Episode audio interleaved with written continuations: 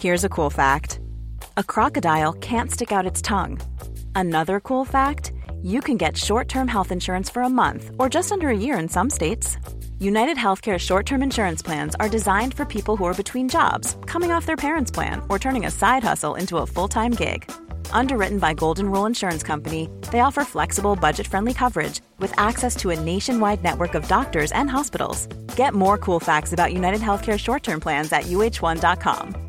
Many of us have those stubborn pounds that seem impossible to lose, no matter how good we eat or how hard we work out. My solution is PlushCare. PlushCare is a leading telehealth provider with doctors who are there for you day and night to partner with you in your weight loss journey. They can prescribe FDA-approved weight loss medications like Wagovi and Zepbound for those who qualify. Plus, they accept most insurance plans. To get started, visit plushcare.com slash weight loss. That's plushcare.com slash weight loss. There's never been a faster or easier way to start your weight loss journey than with PlushCare. PlushCare accepts most insurance plans and gives you online access to board-certified physicians who can prescribe FDA-approved weight loss medications like Wigovi and Zepbound for those who qualify. Take charge of your health and speak with a board-certified physician about a weight loss plan that's right for you. Get started today at plushcare.com slash weight loss. That's plushcare.com slash weight loss. plushcare.com slash weight loss. Det här är podden Utan dig med mig Alexandra. Och mig, Emily. Det här är en podd som handlar om förluster och framförallt förlusten av våra barn. Vi kommer att prata osensurerat och öppet från våra hjärtan. Vilket kan göra att innehållet väcker mycket känslor. Alla sörjer olika och det finns inget rätt eller fel. Men risken finns därför att någon kan ta illa upp. Men vi hoppas att våra lyssnare inte ska ta illa upp på något sätt.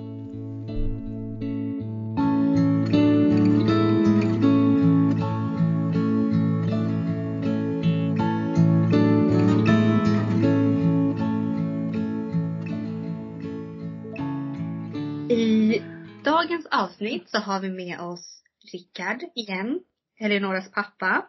Och det här blir då del två om Eleonora.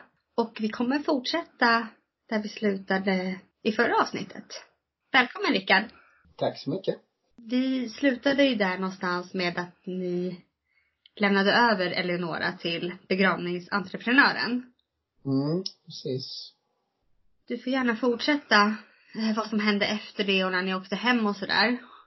Det första som, som jag tänker på det var att det kändes eh, oerhört konstigt och tungt och overkligt att ha gjort det överlämnandet på det viset. Vi såg liksom att bilen körde iväg och märkte hur eh, Malmö fortsatte att leva precis som vanligt. Där stod någon intill och rökte och hade någon konversation som jag inte ens minns. Um, så vi, vi hade, vi hade packat allting i bilen innan eh, vi gjorde det här överlämnandet för att vi, vi ville inte gå upp på avdelningen igen och gå igenom, bli utlagd en process att ta avsked av avdelningen på nytt.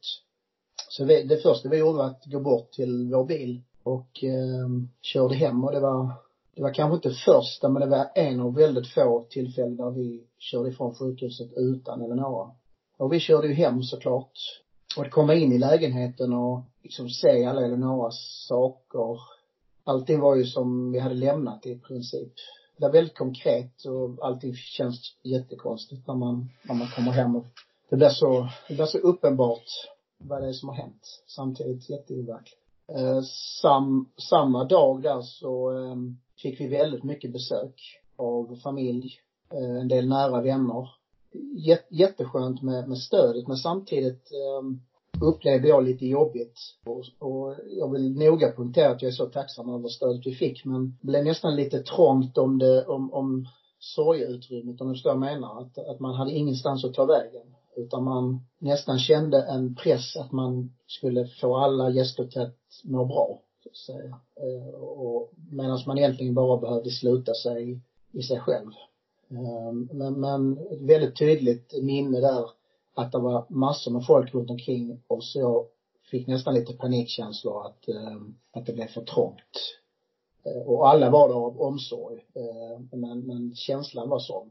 Så var det när vi kom hem direkt efter sjukhuset. Vi kom hem på, på eftermiddagen den, eh, den 15 februari 2019. Dagen efter eh, Eleonora slutade andas som hon dog. Hur lång tid tog det sen innan ni orkade ta itu med hennes saker? Du menar hennes personliga saker och alla Jag tänker på hjälpmedel och sånt som hon hade. Det tog jättelång tid just med hjälpmedlen. Vi lät allting stå kvar. Vi körde undan det lite grann så det inte stod framme liksom redo för, för action utan uh, men vi hade kvar i princip alla hennes hjälpmedel en ganska lång period. Jag kan inte säga uh, exakt men vi pratar månader. Och när, när vi kom fram till att vi skulle lämna alla de här sakerna så var det framförallt för Emma en oerhörd eh, separationsångest. Att lämna ifrån sig eh, en massa vårdutrustning, en massa hjälpmedel som vi inte behövde för att det var så stark koppling till Eleonora så att det kändes som att man ställde bort henne från lägenheten. Så, så att alla hjälpmedel och alla, all medicinsk utrustning hade vi kvar hemma väldigt länge.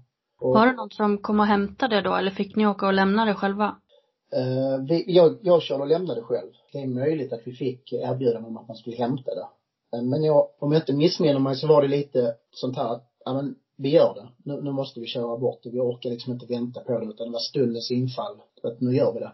Och um, jag kan nästan skratta åt det nu men, men um, vi har en ganska, ganska rymlig stor bil som vi köpte på grund av att Eleonora krävde mycket plats om vi skulle köra någonstans till sjukhuset och så vidare. Så krävdes det alltid från specialbarnvagn till hjälpmedel och så. Så vi körde, köpte en onödigt stor bil. Men jag hade packat, jag hade packat den bilen verkligen på bredden med alla prylar. Jag hade nog inte fått in någonting till. Och ska precis köra upp från vårt garage. Och då kommer Emma utstormande, storgråtande och, och säger att jag inte får lov att köra. För hon, hon, hon måste absolut ha eh, Eleonoras eh, duffstol. Så att den vill Emma ha. Så hade vi den här eh, ganska fula duffstolen ståendes i ytterligare några månader för att den vill vi inte lämna ifrån oss har man inte varit där så tror jag inte man riktigt förstår men, men det är en otroligt stark koppling till vissa saker som, det där var liksom Eleonoras liv och, och vårt liv och det känns nästan som att man, som sagt, städar bort någonting som egentligen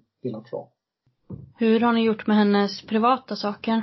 För det första så är både jag och Emma, för oss är det viktigt att inte glömma Eleonora, att hon ska vara närvarande. Så att eh, här hemma har vi, eh, för det första har vi en hylla som är en minneshylla. En ganska stor hylla med, eh, med olika fina saker, minnessaker från Eleonora. Foto, massor med levande ljus eller olika typer av, av ljuslyktor. Vi har fyra stycken jättestora foto av Eleonora precis när man kommer in i vår lägenhet som sitter på väggarna. De fotona var för övrigt med på begravningen eh som stod framme, längst fram. Vi har fortfarande en hel byrå kvar med Eleonoras eh, kläder som vi har i sovrummet här precis intill mig. Vi har inte kastat hennes blöjor. De ligger fortfarande staplade på, på hyllan där allting låg. Eh, så vi, vi har massor med saker kvar som vi just nu inte känner något behov av att städa undan. Så det är absolut ingen belastning för oss. Eh, utan det, känns som att eh, Eleonora bor kvar här på något vis i lägenheten. Och det känns, känns viktigt och fint. Fick Eleonora med sig någon speciell sak? Mm, fick hon. I kistan så fick hon med sig en liten uggla. En, ett kramdjur i form av en liten uggla. Det var det enda saken hon fick med sig, så att säga eller Ugglor har egentligen sitt ursprung i när hon blev inlagd på en, en barnneurologavdelning för första gången i Lund. Där eh, södra sjukvårdsregionen har sin specialistavdelning för barnneurologi en regional klinik. Eh, och, och där eh, var det då en rutin att alla nya patienter fick en liten uggla. För att ugglan då eh, har, har rykte om sig att vara klok och just att man har, att man har en hjärnskada behöver inte betyda att man är att du inte är klok eller att du inte kan saker utan att de barnen kanske är klokare än de flesta. Så då var det någon, någon extern där som virkade de här små ugglorna, väldigt, väldigt fina små ugglor. Och sen bara hängde det med liksom att, att hon hade ett gäng ugglor som var väldigt söta och den här lilla ugglan då var, fick hon med sig i kistan. När vi, när vi jordfäste henne, det gjorde vi en tid efter begravningen. Vi ville vänta till det blev vår och det kändes mer positivt i, i luften att göra det. Då fick hon med sig eh, lite saker ner i det här hålet också som, som man gräver. För begravningen hade ni, begravningsceremonin egentligen då? När var den? Den eh, var eh, den 8 mars 2019. Det, nu när vi spelar in avsnittet så är det ju tre dagar innan. Det infaller på söndag nu det här året och 2019 var det en fredag. Och eh, 8 mars är för övrigt internationella kvinnodagen. Det är en speciell symbolik för oss att eh, det råkade bli den dagen för det var absolut inte så att vi, att vi planerade just den dagen. Men det känns som ytterligare en fin eh, hyllning till Eleonora för den lilla fantastiska individ hon var. En blivande kvinna, en flicka som, som vi är stolta över. Det var ju från den, den 14 februari när Eleonora gick bort till den 8 mars. Det är inte så lång tid. Och det är ju samma för de allra flesta som har vår religion och våra seder i Sverige, eh, när man är uppvuxen här och tillhör Svenska kyrkan, att, att det ska gå en viss tid innan man ska ha begravningsceremonin och i vissa fall också själva jordfästningen. Och det, det blev en, en stressor någonstans, men också en drivkraft för, för mig. Medan Emma hade fruktansvärt svårt att, eh, hon, hon bara grät och bara ville vara. Så kände jag att, att när jag hade det här att syssla med så, så kändes det som jag hade någonting att göra åtminstone. Eh, det var min, min, eh, min främsta uppgift när Eleonora, Eleonora levde, det var just det här med, med logistik och eh, kontakt med sjukvård, habilitering, alla de här bitarna skötte jag. Så det blev på något vis naturligt att jag fortsatte med detta. Och e-, egentligen pratar inte vi om att vi ska ha det här, den här begravningen för Eleonora, men det var så att när Eleonora levde så såg vi en barnbegravning som delades på Facebook med en eh, flicka som eh, drabbades av en eh, mycket svår cancerform och som gick bort väldigt ung. Och eh, när de hade den här barnbegravningen för, för henne så var det så otroligt vackert och jag och Emma hade inte tänkt på begravningar då men vi bara trillade på det här och, och såg, kanske inte hela men stora delar av den här begravningen. Den var så fantastiskt fin och vacker och det hade sagotema. Uh, och det var mycket sång, mycket musik. Det, det kändes inte så tungt utan snarare väldigt, väldigt vackert. Så vi fastnade för det och, och det hängde kvar och när det då var dags för att börja tänka begravning så blev det så att um, jag hade, jag hade fått reda på vilken begravningsbyrå det var som anordnade den här begravningen. Och jag kontaktade en eh, representant för dem och frågade om de kunde göra något liknande för oss. Och det sa de att det gjorde de gärna. De ville gärna hjälpa oss så mycket det gick. Problemet var då att vi hade redan engagerat en, en begravningsbyrå. Det var den här mannen som kom och hämtade Eleonora. Vi visste inte något annat. Det var, vi ville bara att, att det skulle, skulle bli gjort och att, att Eleonora skulle ha en, en värdig transport från sjukhuset. Så det kändes lite olustigt och konstigt där men, men ehm, det tillhör inte det normala men vi bytte begravningsbyrå. Inte för att den andra var dålig utan för att vi kände att den begravningsbyrån hade det vi ville ha. Helt enkelt det vi efterfrågade. Så vi bytte till den andra begravningsbyrån. Var de någonstans nära?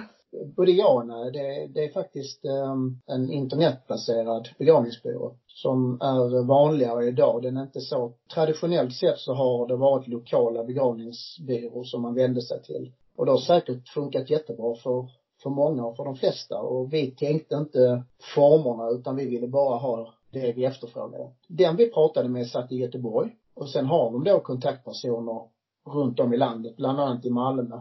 Men, men eh, den tjejen vi pratade med, hon är, var då den som var ansvarig för barnbegravningar. Och som gillade att pilla och pynta och, och fixa.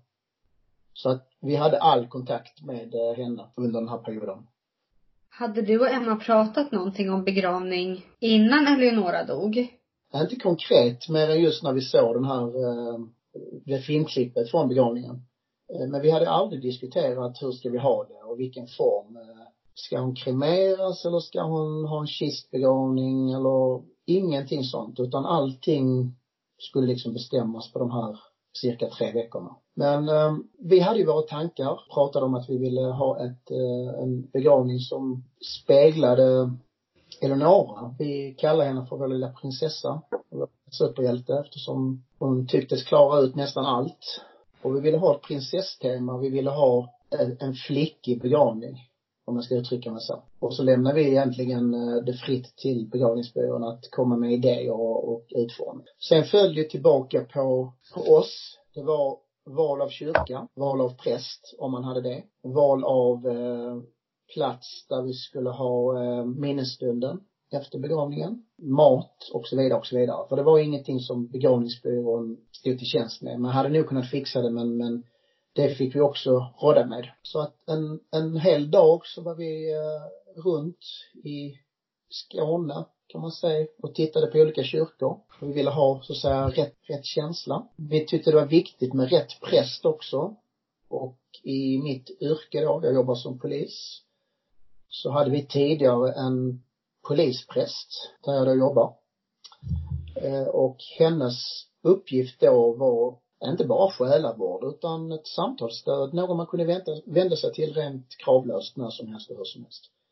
Eh, men jag hade träffat den här prästen tidigare och tyck, ty tycker väldigt mycket om henne, både som person och som präst.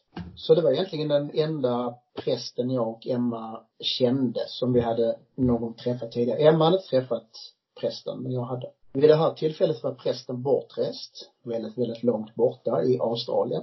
Eh, det var väldigt eh, oklart om hon kunde medverka för att det var inte säkert att hon var hemma vid den tidpunkten. Och så var det då att få till rätt kyrka och rätt datum och så vidare. Men efter många om men så föll då valet på en kyrka i Malmö som ligger inte så långt ifrån där vi bor. Och det visade sig att det var den enda lediga kyrkan i Malmö den 8 mars 2019. Och vad vi inte visste det var att vi ville har jag Elinors begravning på internationella kvinnodagen. Eh, och därför så var det väldigt mycket uppbokat, inte med begravningar men, men allt, ja, eh, olika manifestationer och så vidare. Just den här kyrkan som vi tyckte om, som vi ändå föll för när vi, vi såg den, där, det blev den kyrkan. Och prästen som vi ville ha, han hem och ställde upp. Det var inte hennes församling, hon verkar någon annanstans, men, men hon tog ändå på sig det här ansvaret. Och det är vi jätteglada för. Mm. Vad fint att ni fick det så bra som ni ändå ville med just begravningen? Ja, eh, det, det betyder otroligt mycket eh, för oss att, att det blev bra. Vi hade en tanke, vi hade en, en eh, önskan att det skulle bli på ett speciellt vis och det blev verkligen så fint. Jag har sett också att på den här Facebook-sidan som heter Eleonora superhjälte. Mm. Där finns det ju videoklipp från begravningen. Visst stämmer det? Det stämmer. Den hela begravningen i sin helhet eller begravningsceremonin är, är inspelad. Den, den finns på Eleonora superhjälte. Eh, det är en länk ifrån den här begravningsbyrån som vi anlitade. För att de gjorde den bästa upptagningen och, och det blev det att vi använde oss av, av det klippet. Inför begravningen så ville vi ha musik också. Och nu låter det som att jag är grandios eller att jag inte har någon verklighetsförankring men under Eleonoras liv så betydde Lalle väldigt mycket för oss. Dels för att Emma redan innan älskade Lalle och hennes texter och eh, musik. Men också vi spelade väldigt mycket Lalle för Elnora. Eh, och sen om hon tyckte om det eller inte, det vet jag inte. Men hon verkar inte vantrivas i alla fall.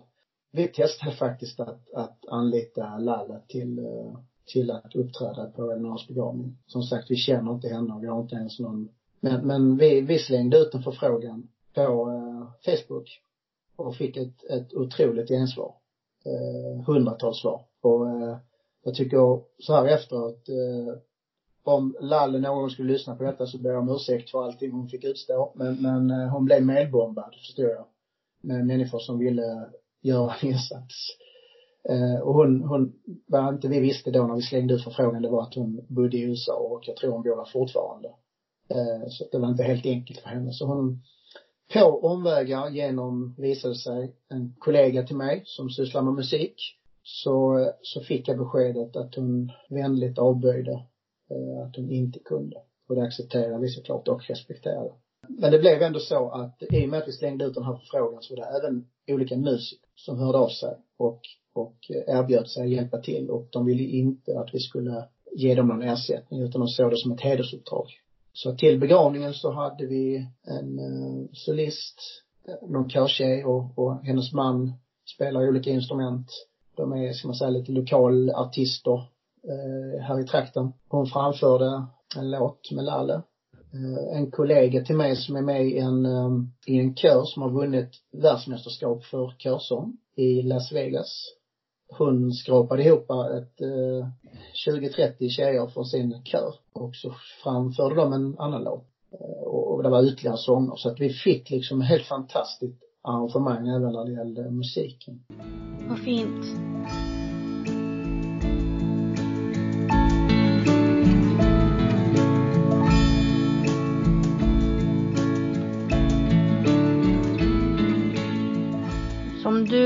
Nämnde nyss var ju att nu börjar det liksom närma sig ett år sedan det var begravning.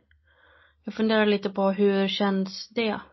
Det känns eh, inte riktigt lika laddat men, men, men det, även årsdagen för Eleonoras död, den 14 februari. Det är ju alla hjärtans dag för övrigt. Det är en dag när, när man firar kärleken.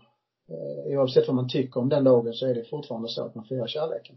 Och jag och Emma har inte funderat så mycket på den dagen tidigare. Det har bara varit så att, ja, idag är det alla hjärtans dag. Vi kanske köper någonting till varandra eller så åker vi iväg och har det skönt ihop någonstans. Men, men nu är det ju verkligen en, en väldigt speciell dag. Och det blir lite paradoxalt att, att matas överallt ifrån med, med alla tar hand om varandra, alla älskar varandra, alla tycker om varandra. Och, men vi, vi både älskar och saknar just den dagen. Så att årsdagen för Eleonoras död var väldigt jobbig både jag och Emma, vi byggde upp någonting. Eh, och sen så var det som att hela veckan innan Eleonora dog när hon låg på sjukhus och dygnet när hon gick bort, det var nästan som att vi levde igenom det ännu en gång inombords. Nu är det några få dagar till årsdagen för begravningen, eller begravningssamlingen. Och det är inte fullt lika jobbigt men eh, jag tänker väldigt mycket på det. Eh, just allting vi gjorde inför och hur det kändes när, när jag gick in i kyrkan. När jag såg eh, arrangemanget, när jag såg Elinora kista. Jag är inte där än, men, men jag funderar kring eh, hur det kommer kännas när det är årsdagen. Ni hade ju haft lite kontakt med eh, Ellas hjältar. Ja, det stämmer. Eh, så ni fick hjälp med gravstenen, var det så? Ja, det, det stämmer första gången vi var i kontakt med Ellas hjältar, det var, nu säger jag tror jag för att de, det här årtalen eh, går ihop. Jag tror att det var 2018 som eh, Ellas hjältar kontaktade mig och frågade om de fick lov att göra någonting för oss, om vi önskar oss någonting. Och om man inte vet vem Ellas hjältar är så, så är det en, en, eh, tidigare en ideell organisation, numera en stiftelse som eh, helt enkelt eh, går in och stöttar och hjälper barn och familjer och ungdomar som av olika anledningar har det svårt. Det kan vara allt ifrån svår sjukdom till att man har blivit svårt mobbad. Eh, ja, utsatta familjer, utsatta barn och ungdomar som behöver en livlina. när, när de kontaktade oss så hade jag faktiskt ingen aning om vad de skulle kunna hjälpa oss med. För, för att man går inte och tänker sådär liksom att det där vill vi ha eller det där ska vi ha. Men um, det föll sig så att vi, vi hade en väldigt storslagen tanke om att åka till USA med Eleonora och träffa det här teamet som forskar om Eleonoras sällsynta diagnos. Och det var en läkare till Eleonora som väckte den tanken hos oss. Men sen så, den dog inte men den lades på is för vi förstod att det var förenat med så stora kostnader, så mycket logistik, så mycket planerande så jag orkade knappt tänka tanken. Men när nu vi fick den frågan så, då skämdes jag nästan att säga det, men jag sa att vi vill åka till USA och av detta syftet. Och då, då hjälpte Ellas hjältar till med att, att samla ihop en ansenlig summa pengar som visade sig inte räcka på långa vägar eftersom flygresan var väldigt kostsam också. Vi, eh, vi tvingades att åka i business. Det låter ju förskräckligt. Det, det är underbart att åka i, i business när man har gjort det en gång i sitt liv. Eh, men vi, vi hade inget val för att Eleonora behövde vård under resan och behövde plats. Vi hade inte kunnat ha henne sittande i ett vanligt flygsäte i åtta timmar. Så därför så ställdes de kraven och det kostade nära på hundratusen strax därunder bara för flygresan. Det löste sig också genom att vi fick hjälp på annat håll och det är helt fantastiskt det också. Men Ellas hjältar kontaktade oss där första gången och hjälpte till en del av den resan till USA. Sen när, när eh, det hade varit begravning och, och det gick en tid för jag kan knappt hålla isär alla begreppen men, men begravning, begravningsprocess eh, eh, eh, och sen så ska man ju urnsätta eller gravsätta, vad man nu kallar det. Och en del gör det redan samma dag, att man går från kyrkan eh, och så har man grävt ett hål med kistan. Men, men Eleonora kremerades och eh, lades i urna, hennes stoft. Och, och sen valde vi att, att vänta på eh, den, den processen, eller den, den proceduren till våren 2019. Så det var först i maj 2019 som det skulle ske. Och inför det så kontaktade Ellas hjältar oss på nytt och frågade om de fick lov att hjälpa till med någonting. Och det blev så att de fick hjälpa till med gravstenen. Det här med att få hjälp när man är så väldigt utsatt, det är oerhört vackert och man är så tacksam. Men samtidigt så är det svårt att ta emot eh, all hjälp. Och det känns som att man hamnar i tacksamhetsskuld även om man kanske inte ska behöva känna så. Och att de som erbjuder någonting vill ju göra det. Men det blir en konstig mekanism inombords när man eh, har svårt att säga ja rakt av. Men eh, vi, vi är tacksamma att vi fick den hjälpen eh, till gravstenen som kostade en hel del pengar. Hur var tiden sen efter begravningen? För egen del kändes det som att jag eh, tappade allt det här som jag hade haft att syssla med. Jag eh, upplevde en, en, eh, en tung period efter begravningen. När inte jag hade någonting att syssla med. Det kändes liksom inte skönt att nu hade man det bakom sig. Det kändes skönt att, att allting blev så himla bra utifrån förutsättningarna och omständigheterna. Men, men um, annars så kändes det jobbigt att man inte hade någonting att, ingenting att organisera, ingenting att, att jobba med för Eleonoras skull. Du nämnde i förra avsnittet att du hade i perioder mått mycket sämre än andra perioder. Är det något speciellt som liksom har hjälpt dig när det har varit extra tufft? Egentligen inte mer än att, um, att försöka och acceptera att det kanske sådär man mår. Sorg är något väldigt individuellt och um, sorg är ingen sjukdom. Men många av, av um, sorgens följder kan liknas vid vissa sjukdomstillstånd. Uh, och det, det är svårt och jobbigt att, att förhålla sig till de känslorna. Uh, samtidigt som man vill försöka vara som man var förr. Uh, man vill kunna prestera, man har krav på sig själv. Omgivning kan få vissa krav på en. Men det som jag känner som den största tyngden efter Elnåsdöd, det är den här kraftlösheten. Eh, att det är lätt att överbelasta sig själv. För att sorg tar så oerhört mycket kraft av en. Det suger musten ur en. Så att, eh, ja, det går i perioder. Jag, jag, eh, det är inte så att jag blir helt, eh, att jag stänger in mig och inte gör någonting alls. Utan jag jobbar 100 procent för mitt arbete. Jag har ett krävande arbete där det ställs stora krav på mig i mitt arbete. Och det, det, den biten löser jag utan problem så att säga. Men det kostar på. Eh, för att när jag sen är ledig så har jag liksom tömt mig på den energin som, som jag hade. Kan du tycka att, alltså ditt jobb, din erfarenhet som du har haft i livet i och med de jobb du har haft, att det har hjälpt dig på något sätt? Det är en svår fråga att besvara för att eh, till en början när, när det visade sig att hon var sjuk så, så var det vissa situationer där jag kände mig eh, det kändes som jag var väl förberedd på akuta situationer eftersom jag hade varit där tidigare. Men sen så kommer man till insikt i att när det handlar om ens eget barn, när det inte är professionellt utan det är bara känslor, då funkar det inte riktigt så. Och när man jobbar med människor, att man jobbar med människor i nöd, när man jobbar med människor i affekt, oavsett om det är polisyrket eller om det är något annat yrke som när man jobbar med människor, så får man inte sällan en, en ganska tung mental ryggsäck också eh, efter allt man har sett, gått igenom, hört, luktat. Jag har idag jobbat 15 år som polis och under de åren så, så hinner man med en del. Och innan dess jobbade jag inom räddningstjänsten som brandman och kört ambulans. Så att man skulle kunna tro att man är eh, väl mentalt förberedd på något sånt här. Men, men det behöver inte vara så. Det kan också vara en, en, eh, belastning när man har väldigt mycket med sig. Då kan jag inte säga att det har varit så just mitt fall, men, men ehm, det är inte självklart att, att för att man har ett sådant typ av yrke att det ska vara förberett. Är det nog det som många kan tänka eller tro liksom att man, man är van vid vissa situationer som gör mm. att om man hamnar i det själv så kanske man tänker mer logiskt. Men som du säger så är det ju när det handlar om ens egen familj, ett eget barn eller sambo, fru, eh, föräldrar, vad som helst liksom. Så det blir ju så personligt. Så det är väl svårt att tänka yrkesmässigt liksom.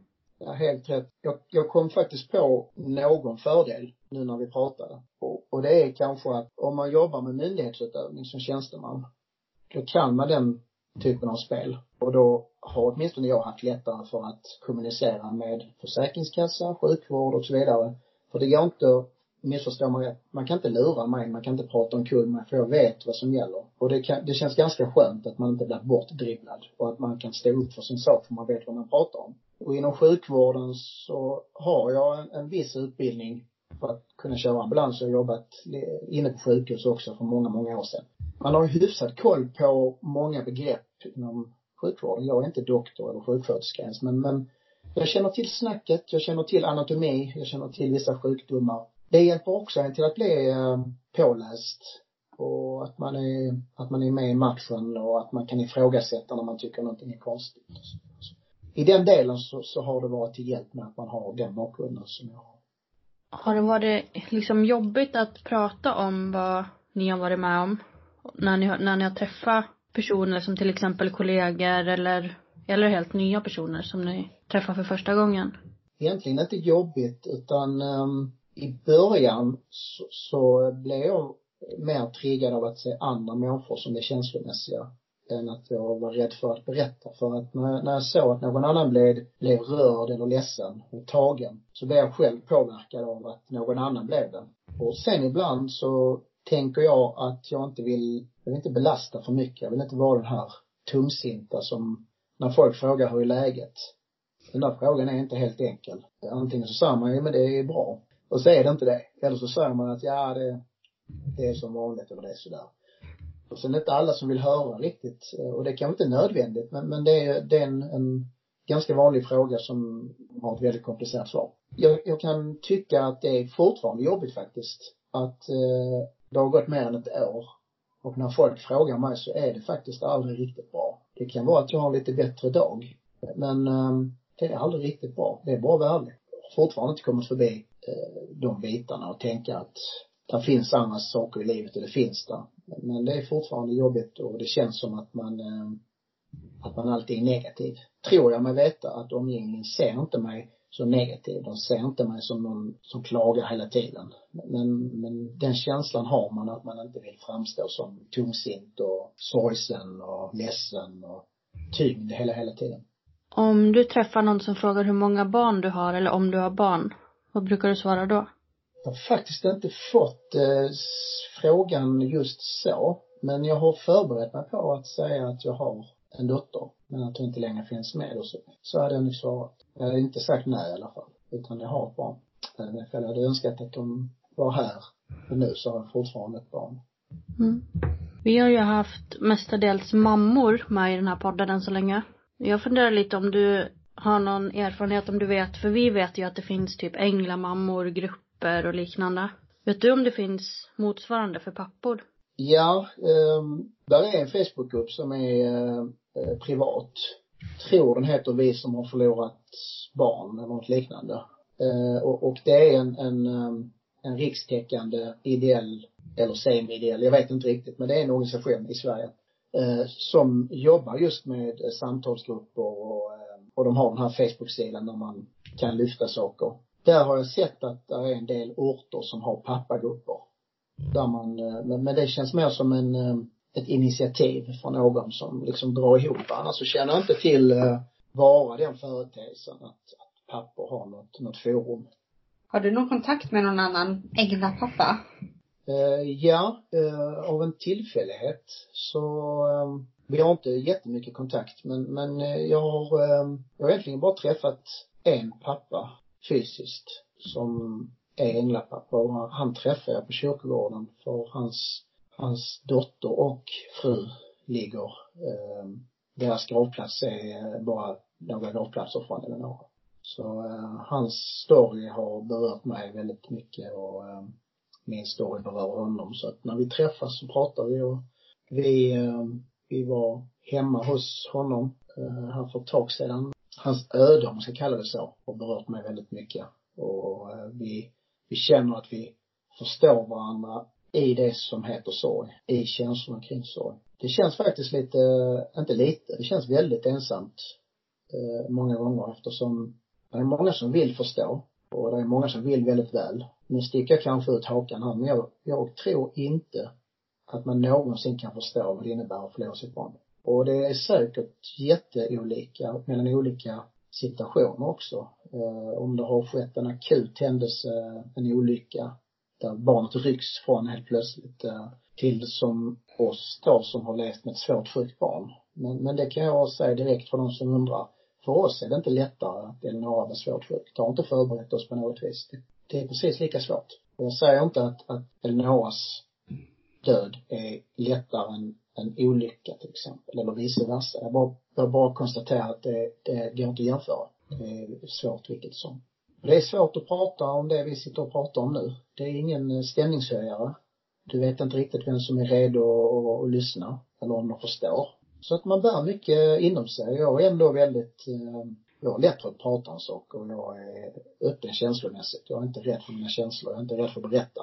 Men det är fortfarande så att det är, det är mycket man håller inom sig. Och ingen förstår ändå. Och det är ju svårt att svara på en fråga lite snabbt eller bara berätta lite kort. För det är ju så mm. mycket som man måste berätta för att ens försöka låta folk förstå. Ja, och det är en del av problemet just. Jag känner nästan alltid stress när någon börjar fråga och verkar intresserad. För att jag, mm. jag känner, äh, känner äh, det som att det är på, på mig det läggs för mycket de orkar med. Mm. På något vis att jag uppskattar när de frågar. Då, då bryr de sig och de vill lyssna. Men samtidigt så är det precis som du säger. Det finns ingen enkel story utan det är allt eller inget. Det går liksom inte att skala av och ge lite detaljer och så. Utan eh, det blir mycket på en gång. Och det är sånt som också tar så mycket energi av en själv. Att man funderar och spekulerar och tänker vad kan man säga och inte säga och hur mycket och när och Så är det verkligen man, man försöker, eller jag försöker tänka så att, att gör det som är bäst för dig själv. Tänk inte så mycket på vad andra tycker och så vidare. Men, men det är inte så lätt utan eh, jag tror att alla bryr sig på något sätt vad andra ska tycka och man ska ju såklart vara en självständig individ och våga göra saker, säga saker. Men det är fortfarande så att det är klart att man bryr sig om vad omgivningen tycker. Man vill inte vara till last eh, vid fel tillfälle, man vill inte göra någon illa, man vill inte eh, göra någon upprörd. Det är samtidigt så att jag har respekt för att människor tycker det är jobbigt att lyssna på det vi har gått igenom. För det, det är varje förälders mardröm. Och jag tror att många som inte frågar, som tycks låtsas som ingenting. Där tror jag att det är rädsla för sina egna känslor. Eh, för att det är så pass jobbigt att komma i kontakt med så att man väljer istället att, att inte fråga eller prata om det. Har du och eh, Eleonoras mamma haft ungefär samma känslor kring att prata om allt? Eller har det liksom varit så att den ena av er vill göra mer eller mindre? Nu i efterhand tänker jag. Just med årsdagar och sånt. Har ni varit, tyckt lika om vad ni ska göra då? Ja, där, där är vi, um, där, där reagerar vi på, på lik, väldigt liknande sätt. Sen är det vardagliga sorgarbetet. Där är jag mycket mer, äh, har ett större behov av att prata om det. Och jag använder ju um, min Facebook-profil till att uttrycka väldigt mycket känslor. För, för om inte jag hade skrivit det så hade jag hållit det inombords också. Sen om folk vill läsa det eller inte, det är upp till dem. Men eh, jag skriver så som jag tänker och jag, det har jag ingen skam för, om jag säger så. Men, men för mig har det varit, är det väldigt viktigt att, att uttrycka mig, att få ut mina känslor medan Emma är lite mer grubblare. Hon sluter sig, hon vill vara ensam och, sörja, vara ledsen. Och eh, för henne går det också i perioder. Det är aldrig bra. Det är aldrig så att man hjular upp ur sängen på morgonen. Eh, men, men eh, vissa dagar känns det lite bättre. Andra dagar är piss. Så är det. Men vi, vi hanterar den vardagliga sorgen olika. Ja men det är ju så. Vi är ju olika människor också. Mm. Och ibland kan det, det kan vara jobbigt att ha det så. För att har man själv en, en okej okay dag och den man älskar, den man lever med, har en jävligt dålig dag, då är det klart att jag dras ner. Eh, och jag klandrar inte min sambo för det. Men det funkar så. Man, man gör det här ihop i allt. Det är inte så lätt att stötta varandra heller just eh, vid de tillfällena. det är väldigt abstrakt, det går inte riktigt att förklara. Har du några tips till andra, framförallt kanske de som lever med ett sjukt barn nu eller nyblivna änglaföräldrar på hur man ska orka ta sig igenom vardagen? Vad har hjälpt dig? Nu är inte det helt självklart. Jag har nog inte levt som jag lär nu. Jag tror att det är viktigt att försöka fånga dagen. Det är ju en, en antingen en floskel eller ett bevingat ord, vad ni än vill.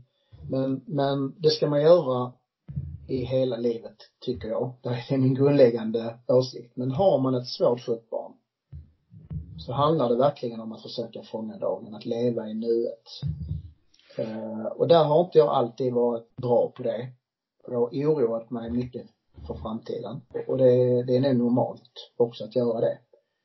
Men, men trots att man gör det, att ändå försöka uppskatta det man har och att inte tänka så mycket på det man inte har. Och att, som vi har gjort, att vi, trots att vi har levt med en överhängande döden har hängt över oss, så har vi inte tänkt att det sker imorgon eller det sker om en vecka. Utan vi har valt att när det sker så får vi hantera det då. Och det var, det var skitjobbigt när, när det kom. Men vi, vi, jag tror inte vi hade kunnat förbereda oss på den saken. Utan vi, vi levde med Eleonora, med hennes, så som hon var. Och gjorde det bästa av situationen. Och när sen Eleonora har, när hon gick bort, när hon lämnade oss, så har jag inget bra tips mer än att man ska försöka att inte klandra sig själv för sina känslor. Utan att, och inte tänka att man är onormal eller att sådär kan du inte känna eller så ska du inte känna. Jag tror det är så att oavsett vilka känslor du, du känner så finns det en anledning till det. Och man ska inte vara rädd för att känna lycka eller för att känna glädje, för det behöver man också om du gör det. Det ska man inte känna att man, att man sviker sitt barn. Så man ska ju sörja hela tiden, kanske en del tänker. Men även där att ta de tillfällena som ges och känner du för att sörja, hitta din, uh, ditt sätt att sörja på. Mm. mm. Kanske inte så tydligt men, men det, det, det är så individuellt. Men det viktigaste är att det finns, det finns få fel.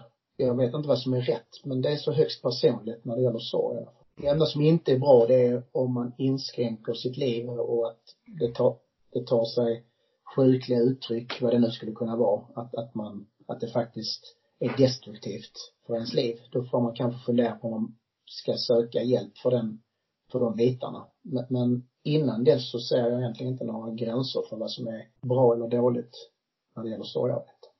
Eh, vi var så öppna med Eleonoras liv. Mm. Av anledningar. Då ville vi också att begravningen skulle vara väldigt eh, offentlig. Den skulle, den skulle inte begränsa någon och därför så valde vi att sända den live och, och sen finns den att hitta efteråt också. Där, där var hundratals personer på, på begravningen och vi har inte så många aktiva vänner som hundra stycken utan det var, det var en hel del som inte vi eh, brukar umgås med. Det var en del som vi inte känner. Det var läkare från sjukhuset, det var sjuksköterskor, det var personal från habiliteringen. Mina före detta kollegor inom brandkåren kom dit med en av styrkorna i, det finns flera stationer i Malmö, men, men en av stationerna kom dit samt ett gäng från eh, eh vakthavande styrkan inom polisen som jobbade.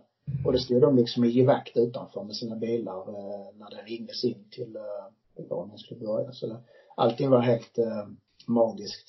Eh, just att, att hedra en, en, en liten människa. Precis, och klippet då från Eleonoras begravning finns att se på Eleonora Superhjälte Facebook-sida. Då vill vi tacka dig jättemycket Rickard för att du ville berätta mer om Eleonora och er tid tillsammans. Tack för att jag fick förmånen att berätta. Tack. Tack.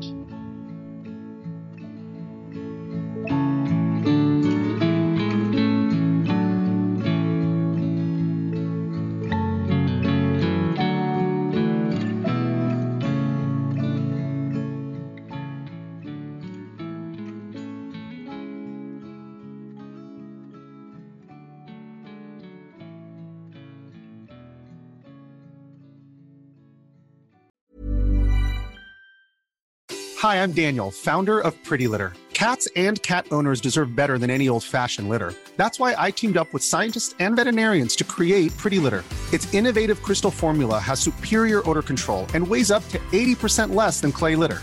Pretty Litter even monitors health by changing colors to help detect early signs of potential illness. It's the world's smartest kitty litter. Go to prettylitter.com and use code ACAST for 20% off your first order and a free cat toy. Terms and conditions apply. See site for details.